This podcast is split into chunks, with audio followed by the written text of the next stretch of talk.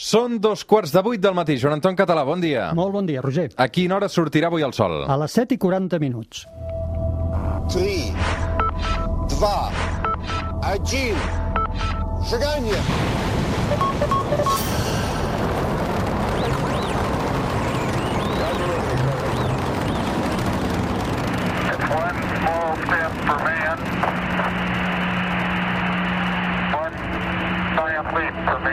Thank you.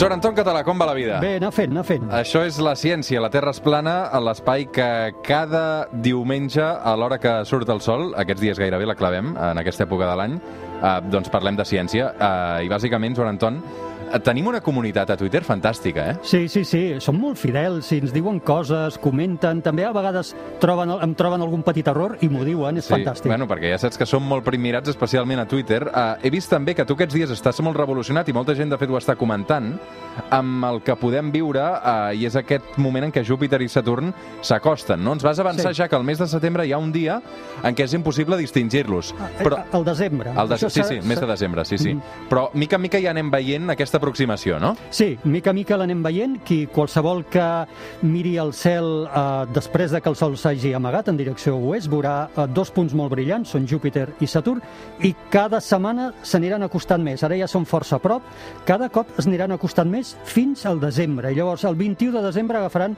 la seva màxima eh, posició propera, visual, hem d'entendre que no és que s'estiguin apropant els planetes, és un tema de perspectiva nostra, que ningú es confongui amb això.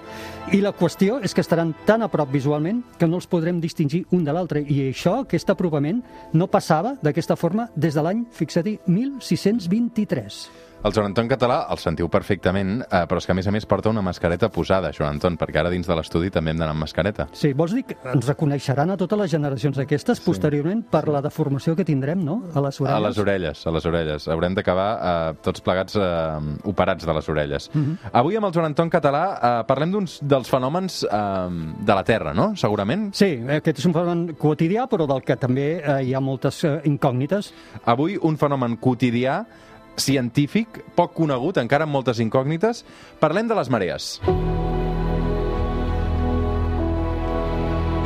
A veure, així d'entrada, avui la lliçó sembla fàcil perquè tots sabem més o menys què són les marees, que puja i baixa, que si el mar amunt i avall, no? Sí, exacte, d'entrada sembla tot molt fàcil, però com deies ara al començament, eh, potser no ho és tant, eh? potser ja descobrirem, espero que puguem descobrir coses en l'oient que, són, que eren desconegudes per ell. Uh -huh. Sempre que el mar puja i baixa té relació amb les marees? Eh, no sempre. Això és la primera, la primera qüestió. Existeixen altres motius que fan que els nivells del mar puguin pujar o baixar i no estan relacionats amb les marees. Per exemple, moviments periòdics, perdona, no periòdics, esporàdics, associats, per exemple, a terratrèmols, eh? a moviments sísmics, tsunamis, també grans desplaçaments de masses, com són doncs, blocs de gel, grans blocs de gel, icebergs que es mouen. Tots aquests fenòmens poden fer també variar eh, el nivell del mar, però el que ens interessa aquí, el que anirem a parlar avui, és d'aquest efecte natural que anomenem marees, que està associat amb la pujada i baixada de forma periòdica. Mm. Com es generen les marees, Joan Anton? Són conseqüència directa de la- de l'atracció gravitatòria entre, bàsicament, Terra i Lluna. Aquí aquesta lliçó ens la sabem tots, i ara introdueixo aquí un tema que en parlarem una mica setmana endavant, i també del Sol, uh -huh. tanco parèntesi, aquest potser és el tema desconegut per part de la gent. Llavors, la forma que jo sempre explico per visualitzar com funcionen les marees és, i ara demano a l'oient que faci aquest exercici mental, és, anem, anem a imaginar-nos dues boles, una és la Terra i l'altra és la Lluna, que estan encarades, evidentment. Per efecte gravitatori, d'atracció gravi- gravitatòria, anem a veure com la Terra es deforma, la Terra té masses líquides en superfície, i és fàcil entendre que per l'atracció que fa la Lluna, aquestes masses es deformen en direcció cap a la Lluna. És a dir, la cara de la Terra, que en aquell moment està enfocada a la Lluna, allà apareix una mena de bulb, que ens el podem imaginar, que són els mars, que s'enfoquen cap a la Terra. Doncs bé, en aquella part allà pugen els nivells del mar. I eh, a les parts, diríem, diametralment oposades, a on aquest bulb és menor, allà estan baixant les marees. Per tant, és aquest, fixa't, és la deformació d'aquest bulb provocat per la atracció gravitatòria entre la Terra i la Lluna el que fa que aquestes masses mòbils que tenim pugin i baixin. Molt bé, i què passa a la part oposada de la Terra? Ah, aquesta és la pregunta molt bona. Potser algú ja se l'estava fent, perquè diu, ostres, el Joan Anton està dient que a la part que s'encara a la Lluna allà hi ha marea alta, pugen les marees, però què passa a la part completament oposada, allà on la Terra, la part de la Terra que en aquell moment no veu Lluna, allà també i pugen les marees. I l'efecte en què es produeix, pel qual es produeix això, és perquè hem d'entendre que aquella part que està més allunyada de la Lluna rep menys atracció gravitatòria i, per tant, diríem que l'aigua és més lliure de circular i de separar-se una mica més del globus de la Terra. I allà hi torna a haver marea. És una marea alta menor que aquesta primera marea alta que hem vist de la part encarada a la Lluna. Per tant, en qualsevol moment, a la Terra, hi tenim, diríem, dos grans zones on s'estan produint marees altes, la part encarada a la Lluna i la part completament oposada a la Lluna, i dos zones, dues grans regions, on s'estan produint en aquell moment marees baixes, que són els altres punts, els que no estan ni encarats ni oposats a la Lluna. Que les marees siguin periòdiques es deu precisament a això que estàs explicant? Sí, es deu a que, lògicament, hi ha un moviment Terra-Lluna que fa que aquestes parts encarades o oposades es vagin intercanviant de forma constant. Eh? I el que et deia, cada dia a qualsevol lloc, lloc del planeta hi hauran dues marees altes i dues marees baixes, justament per això que explicàvem. Uh -huh. uh, quant temps passa entre un cicle complet i un altre? Un podria dir, ah, fàcil, Un dia. Clar, Però- 20, 24 però, però no, no és tan fàcil, perquè, clar, diríem, uh, un dia és el que triga, més o menys, sabem que són, jo m'he explicat alguna vegada en el programa, 23 hores i 56 minuts la Terra en girar. Però, a més a més, en aquí s'hi sobre, sobreposa un altre moviment, que és el de la Lluna. És dir, mentre la Terra gira, la Lluna també s'està movent al voltant de l'òrbita eh, al voltant de la Terra. I, per tant, quan combines tots aquests moviments, el de rotació de la Terra i el de desplaçament de la Lluna, resulta que trobes que la combinació et dona 24 hores i 50 minuts. I aquest és el període de les marees. I això ens ho desquadra tot, ja, per això. Sí, tot, tot, clar, ja no tenim rellotge que ens mesuri això d'una forma exacta. 24 hores i 50 minuts és el que triga una mateixa regió, un mateix punt de la Terra, en estar submès a les mateixes condicions de marea que l'anterior cicle. Val? Eh, dit d'una altra forma, entre dues marees altes hi van aproximadament, atenció, 12 hores i 25 minuts, la meitat, perquè dèiem que en un cicle hi ha dues marees altes en un mateix lloc.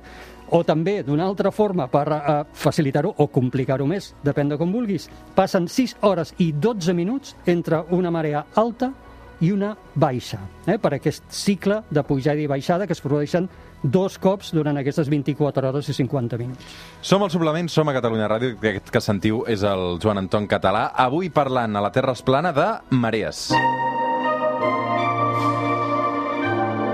veure, hi ha una cosa, Joan Anton, eh, que d'entrada, quan explicàvem com es generen aquestes marees, em deia, són conseqüència directa de l'efecte d'atracció gravitatòria entre la Terra i la Lluna i també del Sol. Sí, senyor, i aquest és un punt normalment desconegut pel per tant, públic. el, el Sol també genera marees. També, també, perquè té un efecte gravitatori molt important.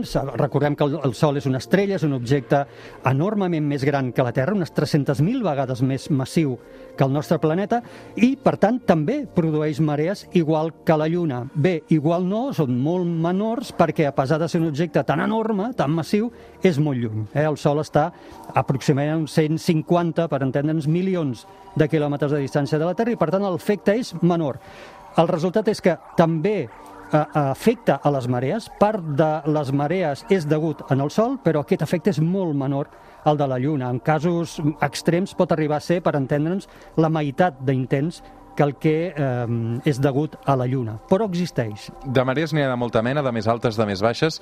Eh, quan són més altes, quan són més baixes? Clar, tot aquest joc entre Terra i Lluna, bàsicament, però també Sol, fan que no sempre les marees siguin igual i és fàcil imaginar-s'ho també per tot el que acabem de dir. Per exemple, quan eh, la Lluna se situa amb el que anomenem el perigeu, que és el punt de la seva òrbita més propera a la Terra, aquesta atracció gravitatòria és una mica superior i la deformació de les masses, per tant, és lleugerament superior. Són marees més intenses. Per tant, en el moment en què la Lluna se situa una mica més a prop de la Terra, allà tenim marees eh, més intenses.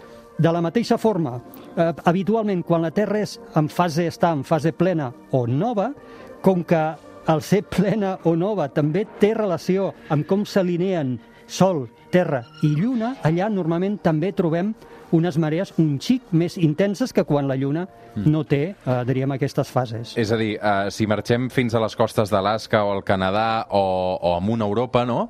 Uh, segurament ens trobarem precisament aquestes marees que són més intenses. Però, però això es deu, diríem, a, a diferents ah. raons. Per exemple, durant molt de temps es, es pensava que això tenia a veure amb la latitud, el que tu ara deies, no? Oh, doncs sembla que en el nord les marees són més intenses que, que en el sud. I això normalment sempre ha, ha causat confusió. Però no hi té res a veure. La latitud en això no hi té res a veure. El factor determinant en aquí és la forma dels continents. Per, de casualitat, diríem, com estan distribuïdes les masses terrestres en funció de les masses oceàniques. I això fa que hi hagi punts en què el nivell del mar pugui pujar més i a altres llocs on pugi menys. Però, com et deia, a pesar de que dona la casualitat de que sí que això sembla concentrar-se amb les latituds més al nord, que tenen marees més altes, mm. no té res a veure amb la, amb la latitud. Molt bé. Uh, la profunditat dels oceans també afecta en aquest sentit, o no? Moltíssim, moltíssim. I aquest és l'altre efecte, és la distribució de les masses de terra, també uh, la profunditat dels mars, eh? perquè això el que pot provocar, com més profund és, pot provocar un efecte en cadena que es va acumulant, el moviment oceànic es va acumulant, i això pot fer que les marees siguin més grans. I això explica, per exemple, perquè en l'oceà Pacífic les marees acostumen, per norma general, a ser més grans que en altres oceans, i molt especialment si ho compares amb la Mediterrània, on apenes tenim marees quan les comparem amb la magnitud de les marees grans que hi pot haver al Pacífic. Molt bé. Um, I com d'altes poden arribar a ser? Doncs mira, per exemple, amb les zones que havies comentat abans, Alaska, Canadà, on coincideixen tots aquests factors, la distribució de la terra, la profunditat del mar, les pujades poden arribar a ser de més de 15 metres en vertical. Fixa't, és d'una marea baixa a una alta, 15 metres mesurat en vertical. Les més altes que s'han mesurat és en un lloc de Canadà, de la, de la regió de Nova Escòcia, que es diu la Baia de Fundy, i en allà s'han mesurat 16,3 metres. A Europa també tenim llocs d'aquests on coincideixen profunditats i formes de costa que afavoreixen les marees altes. Per exemple, a la zona de Bristol, a, a Gran Bretanya, s'han mesurat 10 metres. O a regions de França properes al canal de la Mànega també s'han mesurat això al voltant de 9-10 metres. I després tenim les famosíssimes del mont Saint-Michel, que poden arribar també als 14 metres de diferència entre una marea alta i una baixa. Tot això, si ho comparem amb la Mediterrània, doncs mira, la Mediterrània, perquè ens fem una idea, les marees promig acostumen a ser de 10 centímetres. Imagina la diferència. No té res a veure, no? Res a veure. Escolta'm, uh, és veritat que abans eren més grans en el passat? Sí, ho havien de ser forçosament perquè sabem que Terra i Lluna es van crear més a prop. Ja ho hem comentat també moltes vegades, la Lluna és a l'efecte d'una enorme col·lisió entre una jove Terra i un objecte que tenia la mida de Mart, i eh, d'aquestes roques que se'n van anar a l'espai es va formar la Lluna i aquesta Lluna es, va, eh, es, es trobava molt més a prop de la Terra, per tant, l'atracció gravitatòria havia de ser molt major. Sabem actualment que Lluna i Terra s'estan separant a raó de 3,8 centímetres anualment, és a dir, que si alguna cosa passa... El viatge cada cop termini, serà més llarg. més llarg que la Lluna, les marees cada cop seran una miqueta més fluixetes, però no estem parlant perquè això es noti de centenars de milions d'anys que això pugui tenir alguna Sí, sí. influència. Escolta'm, i els llacs també tenen marees? Eh, gran pregunta també, perquè ens ho hem plantejat moltes vegades. Diem, home, aplicant la lògica, si els mars es poden deformar, podríem pensar que els grans llacs, aquí no estem parlant dels llacs del Pirineu, estem parlant, per exemple, de grans masses com els llacs del nord dels Estats Units, eh, es podrien deformar també. Hi ha hagut estudis seriosos sobre els efectes que pot tenir la Lluna o el Sol en aquests grans llacs americans i la conclusió és que sí, poden tenir efecte, però aquests efectes són tan petits que queden absolutament sobrepassats per qualsevol altre efecte, com puguin ser eh, l'acció del vent, l'acció de les onades provocades pel vent, o fins i tot embarcacions que es puguin eh, anar movent. Per tant, són absolutament menys preables. Molt bé. Um, som al suplement, som a Catalunya Ràdio, crec que sentiu el Joan Anton Català. Avui, submergir-nos en el món de les marees.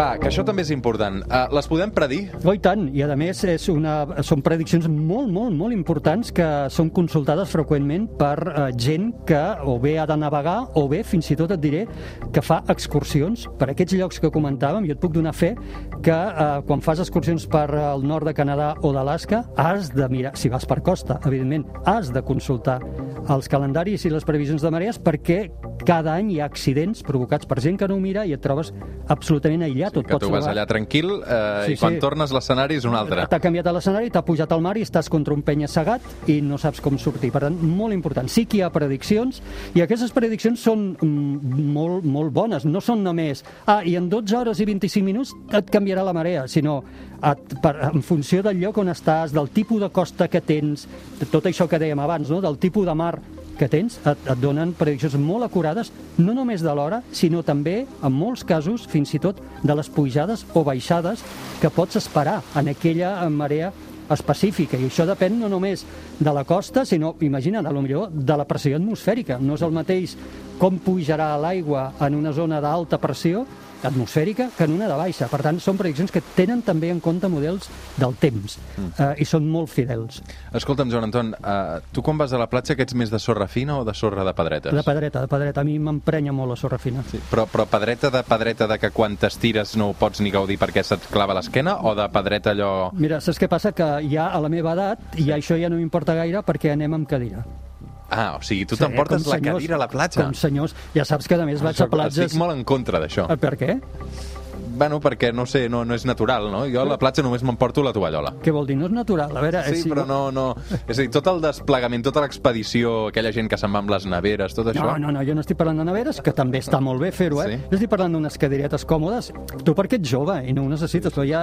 ja no, no, bueno, no en parlem perquè jo ja no hi seré, però ja ho veuràs, quan arribarà un moment que diràs, ostres, ja això no em va... No... em-" O sigui, vol dir que vas a, platges fàcils, no de caminar. Uh, alguna Aquelles vegada... platges que s'han de caminar tres quarts d'hora per arribar-hi? No, el que fem és deixem eh, les nostres cadires a la platja on anem, normalment són platges això de còdols, no, no són de sorra, són normalment del sud de Tarragona, que són precioses i molt desconegudes, i d'allà caminem, agafem el GR que va per la costa Bé. i eh, a lo millor fem una excursió i ens banyem en alguna cala.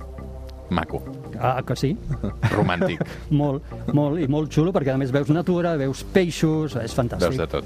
Escolta'm, uh, i veus també, hi han coses que floten a vegades al mar, eh? de Tarragona i de tot Catalunya, bàsicament. Vull dir, a algunes- vegades, hi han, uh, jo m'he arribat a trobar uh, bicicletes del bicing. M'imagina't. Eh? Uh, fent submarinisme per, per massa prop de Barcelona, estava. Tenim un problema gravíssim amb tota la... Un dia en parlarem del el Sí. que hi ha sota el mar. Sí, senyor. Eh? Sí, Eh, això- Perquè allò també és... Uh, podríem fer-ne un... Allò sí que seria un aquàrium. I tant, eh? i Es tant. pot posar-hi un museu allà. Perquè hem parlat de ferrall espacial, però també tenim I tant, merda i tant, i tant, i els tant que tenim merda. La merda se'ns menja, que deia aquell. Sí. Eh? Déu-n'hi-do. Continuo, no? Sí. Molt bé. Sí, sí, tira, tira.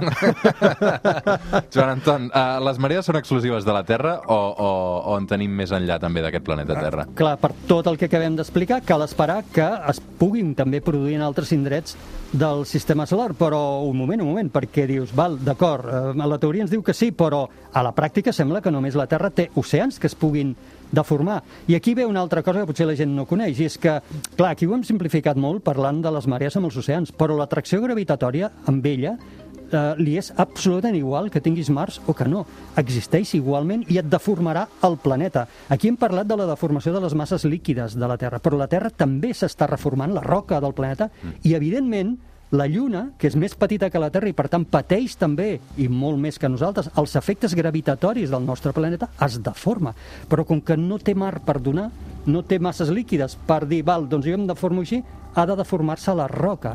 I per tant també existeixen marees a les roques, a la forma eh, sòlida dels planetes i dels satèl·lits del sistema solar. I n'hem parlat, per exemple, vam dedicar un programa a un satèl·lit que es diu Io, de Júpiter, que és un món torturat ple de volcans, justament perquè l'atracció gravitatòria de Júpiter li provoca unes marees de roca, unes deformacions de roques que fan que la seva superfície es deformi amunt i avall 100 metres de desplaçament vertical de roca. Imagina't, i això escalfa a Io i el fa tenir aquest comportament tan bèstia, tan infernal que té. Per tant, sí, existeixen en altres llocs, a pesar de que no hi hagin oceans. Uh, per tancar-ho, uh, tenen relació amb la vida, suposo, amb tot això que estem explicant, perquè d'alguna manera han condicionat l'evolució del planeta Terra, no? Totalment. Pensem que sense marees eh, la vida segurament hagués evolucionat d'una forma diferent i potser tu i jo avui no estaríem xerrant, els humans igual no existirien. I això és molt bonic de reflexionar-ho, perquè dius, hem comentat que la Lluna és producte d'una casualitat, d'un xoc que va ser casual, podria perfectament no haver existit. Sense aquell xoc no tindríem marees, o les tindríem molt més baixes, només les del Sol, i per tant la vida segurament hagués evolucionat d'una altra forma i els humans no ens hi trobaríem sobre aquest planeta. Avui amb el Joan Anton Català un capítol dedicat a les marees. Fantàstic, Joan Anton, interessantíssim, com sempre. Gràcies. Uh, fem un cop d'ull al cel. Perquè si aixequem la vista aquesta setmana, a banda de Júpiter i Saturn, que es van ajuntant de poc a poc fins a arribar a aquesta culminació eh, cap a mitjans del mes de setembre, eh, què més hi passa? Doncs mira, són cinc els planetes que hi podem veure. Avui, de fet, és lluna nova, per de moment excel·lent si podem aquests dies per mirar el cel de nit. I tenim Júpiter, ja ho hem comentat, tenim Venus, el cel de l'alba, mirant a l'est, brillant moltíssim. Qui tingui un bon horitzó est, sense obstacles i boires, si mira per sota de Venus pot intentar localitzar el sempre, sempre complicat Mercuri. Bo. I després Mart el tenim dominant dura- durant tota la nit amb la seva llum potent ataronjada. Una cosa també xula de comentar és que avui i demà tenim pluja d'estrelles, una pluja que es diu els Leònids, provocats per un cometa que es diu Tempel-Tattel, i eh, sense lluna pot estar bé mirar. Els Leònids no són una pluja d'estrelles de primera categoria, però normalment alguns anys han donat algunes sorpreses que ningú se les esperava. Per tant, paga la pena dedicar-li una estona a mirar el cel. Joan Anton Català, un plaer, com sempre, molt, molt interessant. Gràcies, Roger. Fem una pausa i tornem al suplement. Fins ara.